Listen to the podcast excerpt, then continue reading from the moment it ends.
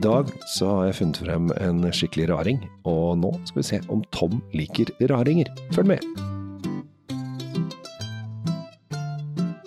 Hei og hjertelig velkommen til dagens episode av Kjell Svinkjeller og Drinkfeed med Tom Omrati Løvaas. Vi er nå samlet til å virkelig leke litt med vin, Tom, for i dag så Jeg har jo egen hashtag, du må ikke glemme det. Play with wine. Ja, det passer veldig bra i dag, siden du har funnet noe, noe litt rart nå. Ja, i dag føler jeg at jeg har funnet noe rart nå. For det første, eller det er jo ikke så rart, men så er det rart allikevel. Eh, For det er rosévin, og det i seg selv er ikke rart. Nei, det er ikke så rart. Særlig ikke når vi spiller inn dette her sånn, så er det jo straks påske. Og da er rosé-sesongen rett rundt hjørnet. Det er helt riktig. Uh, og, uh, så det, det er helt naturlig. Uh, og at den er fra Tyskland, heller ikke rart. Er ikke veldig rart. Nei, Fins rosévin i Tyskland. At den er lagd på pinot noir, heller ikke rart. Nei, de kaller den pinot noir i stedet for uh, spetburgunder, og det, det, men det er heller ikke rart. Nei. Men her kommer raringen. At det er en auslese, det er rart. Ja, det er i hvert fall ikke urart, fordi det, altså, man har fått det før, men det er ikke det som tyskerne pusher mest av.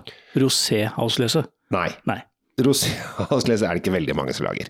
Det er nok uh, en mer sånn sidegren, skal vi kalle det. Sånn, Ja, sånn dette tilleggssport. Ja. Eh, For dere som ikke vet hva auslese er, det kan hende at det er mange som tenker eh, det falt av. Jeg skjønte spetburgunder, pinot noir osv. Jeg skjønte rosévin, men auslese har ikke peiling.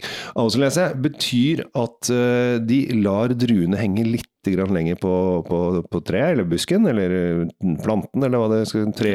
Ja, det blir hengende over, blir hengende over tida, liksom. Ja. Eh, Og, og de, etter, etter oppskriften så skal det jo plukkes hele klaser, da. Mm. Med nennsom hånd, det må håndplukkes.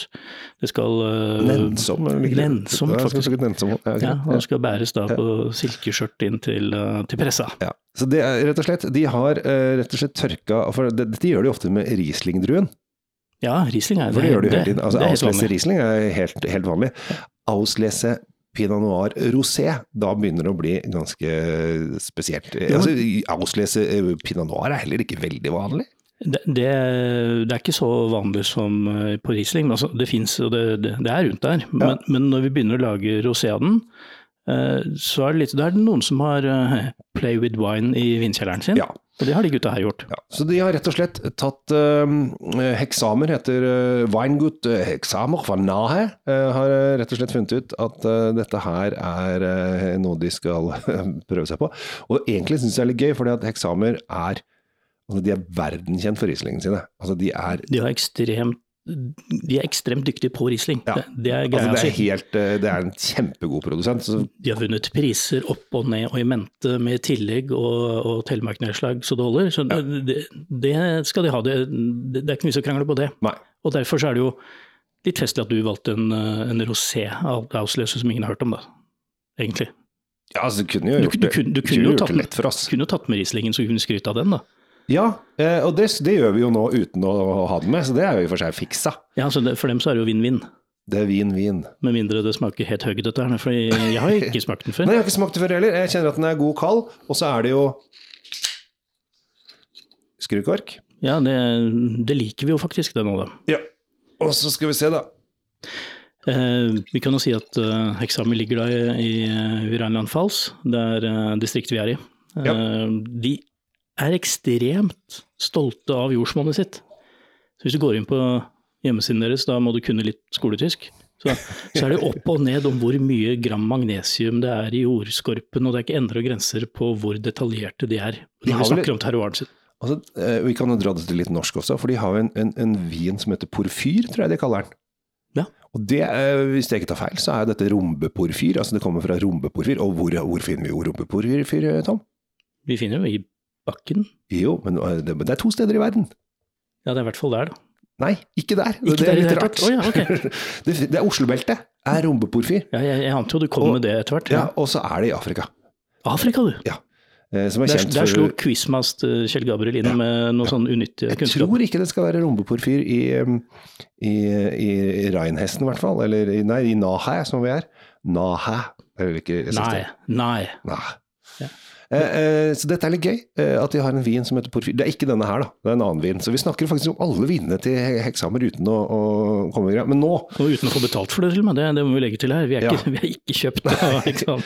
Jo, men altså, vi, vi driver jo med vinpodkast fordi at vi liker viner, og vi må snakke frem de vinene vi syns er gode. Ja. Så, så vi eh, gjør det jo riktig, og så håper vi jo at vi etter hvert får en sånn rik onkel som kan støtte oss og, og holde oss i live på disse vinpodkastene. Kanskje vi kan, kan liksom få et sånt fond. eh, Tom og Kjell Gabriels vinfond av en rik onkel. ja. Hint, Så du som er rik onkel der ute, vi tar vips. Ja. og jeg syns det er rart. F.eks. For eksempel Molde fotballklubb har fått en hel stadion. Det er ikke så spennende å se på Molde fotballklubb, men å høre om vin kan være kjempespennende. Ja. Kanskje vi burde få et, eh, en vinkjeller eller et eller annet sånt. Jeg vet. Nå så over til vinen. Hint, hint, uh, rik onkel. Uh, Der forsvant grevet til Kjell Gabriel nedi i glasset. Altså, jeg hadde forventa, jeg, jeg har ikke drukket dette før, jeg hadde forventa at den skulle lukte mye, mye mer søtligere. ja, du tenker jo det fordi det er en avsløser, ikke sant? Ja. Men, men det betyr jo ingenting. Det som betyr noe her, er at det er en en nesten overveldende duft av bringebær. ja. Så den kommer opp og gir deg en rett høyre. Sånn hei, jeg er bringebær, smakk. Litt rips. Det kan være fordi jeg bare kjenner Det altså, er en de- syrlighet her som jeg lurer på om er litt, eh, litt sånn eh, rips i. Vi er godt inne i røde bær-kategorien av, av duft her nå, altså. Ja, og den har jo blir veldig våt i munnen av å lukte på den. Jeg kjente det begynte å, begynte å renne både her og der. Uh, og uh, den har jo en veldig fin Litt sånn Altså rosévinsfargen er kanskje litt av den mørkere sorten. Eh, og det kommer litt av hvor lenge den har ligget med skallkontakt. Uh, vi kan ta det kjapt. Uh, hvis du skal lage en rosévin, så lager du da en, tar vi en rød drue, altså sånn at du lager rødvin da. Og så presser du juicen, og så lar du den ligge med skall fra 2 til 48 timer, ut fra hvor mye farge og smak du vil ha fra skallet. Ja, Så, de, og de som er mest rabiate, lar den faktisk ligge noen uker, så det er jo nesten Ja. rødvin. Men ja. Ja, Men det er 2 til 48 timer som går stort sett under rosévin. Ja. Eh, Har den ligget i 48 timer, så er det ikke noe så altfor mye å hente. Eh, Men da eh, får du da Så tapper du juicen, og så lar du den gjære som en hvitvin. og da blir den rosé. Så så enkelt er det å lage rosé. Og de, som du- tror at, og de som tror at du bare blander rødvin og hvitvin, så er det faktisk ikke lov. Nei, det var vel én vin som gjorde det. Og det var vel Matheus Matteus fra Portugal, som var liksom ryktet for å ha gjort. For å ha gjort det. Men det, det har aldri blitt bevist, liksom. Nei, det har vært dårlig. Men, men, Men det eneste stedet de kan helt riktig, Ja. hvor det er lov, Ja, og det er jo av alle steder i champagne, Ja. der er det lov. der kan du helle opp litt rødvin. Der kan du blande og ordne så mye du orker. Og nå også litt i Prosecco. For når det kommer til rosé-prosecco Og Glera-druen er jo nødvendigvis kan aldri bli rød, for den er hvit. Den er jo Ja, hvit. så der heller de oppi litt, eh, litt eh, rosé, eller rødvin.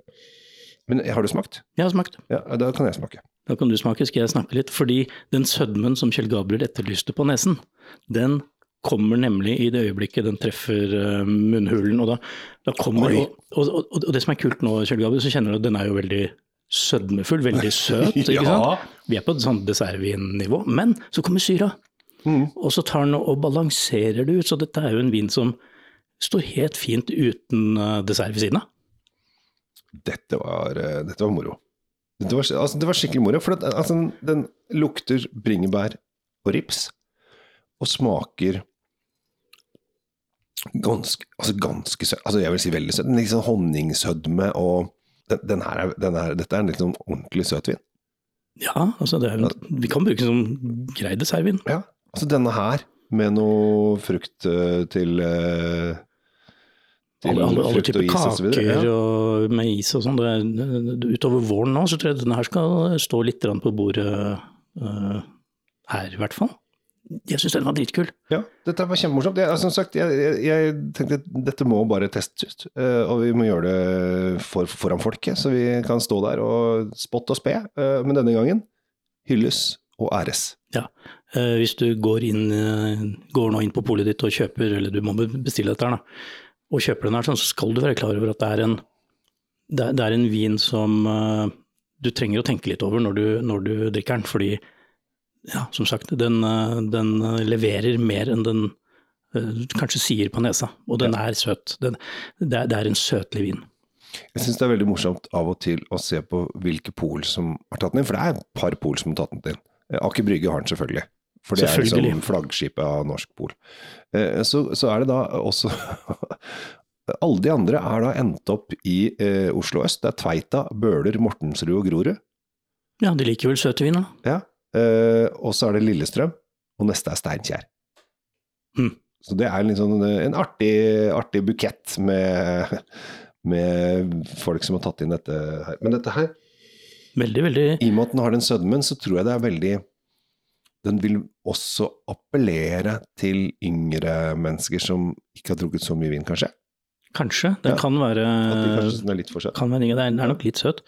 Nå vet vi jo det at med alderen, Kjell Gabriel, så, så forsvinner den trangen som du og jeg fortsatt har til eh, ekstrem syre. Det har noe med stoffskifte, å gjøre, så etter hvert som man blir litt eldre, så vil du foretrekke vin på den litt søtere siden. Det er derfor tante Agathe alltid drakk madeira og portvin, Ja. for hun ville ha de litt, eh, litt søtere. Så, så du sier at fyrstekaketrangen kommer etter hvert, da? Fyrstekake, altså lysten på fyrstekake, den, den, når den kommer, da kan du også begynne å kjøpe disse vinene, for da har du gått over i den Fatteren, På, fatteren hadde... den, linja, den linja der, da, da begynner du å dra, dra deg til med sånn aldersmessig, da. Ja, fatteren hadde Han er fylt han er over 80, og han fikk korona, så øh, det gikk veldig bra. Men han fikk en sånn cravings for napoleonskake og blåskjell.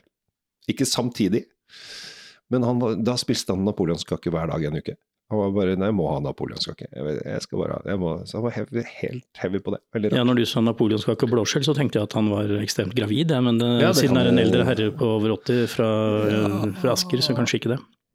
Nei, han har, han har litt sånn kulemage, så vet du, vet du aldri. Men uh, herrens uh, videre er uh, uransakelig. Men uh, dette her er, dette var morsomt. Uh, Hexamer Pinot Noir Weinherbst Wein Auslese 2020. 247,90. Ja, nå kan man tenke at det er kanskje eh, mye for en flaske rosévin. På den annen side, den her er litt unik. Dette er ikke litt unikt, dette er veldig unikt. Så hvis du har lyst til å leke litt og være litt kul, så er det det det koster. Sånn er det bare. Så øh, dette var moro. Eh, jeg syns det faktisk var kjempegøy, og det er det som er så spennende med vin. Du får opplevelser som er unike nesten hele tiden. Du kan finne rariteter, skatter, eh, kjærlighet, eh, omsorg osv. som eh, bare er helt fantastisk. Det var veldig vakkert sagt. Skal vi runde av? Hender at det er vakkert, så da må vi bare runde av fort som fy, så vi ikke hopper i salaten på slutten. Jeg heter Kjell Gabriel Henriks, tusen takk for at du lytter til. Abonner gjerne. Og Tom, Tom og Merete Løvaas fra Drinkfeed, og det samme går jo for oss. Det er bare å henge på.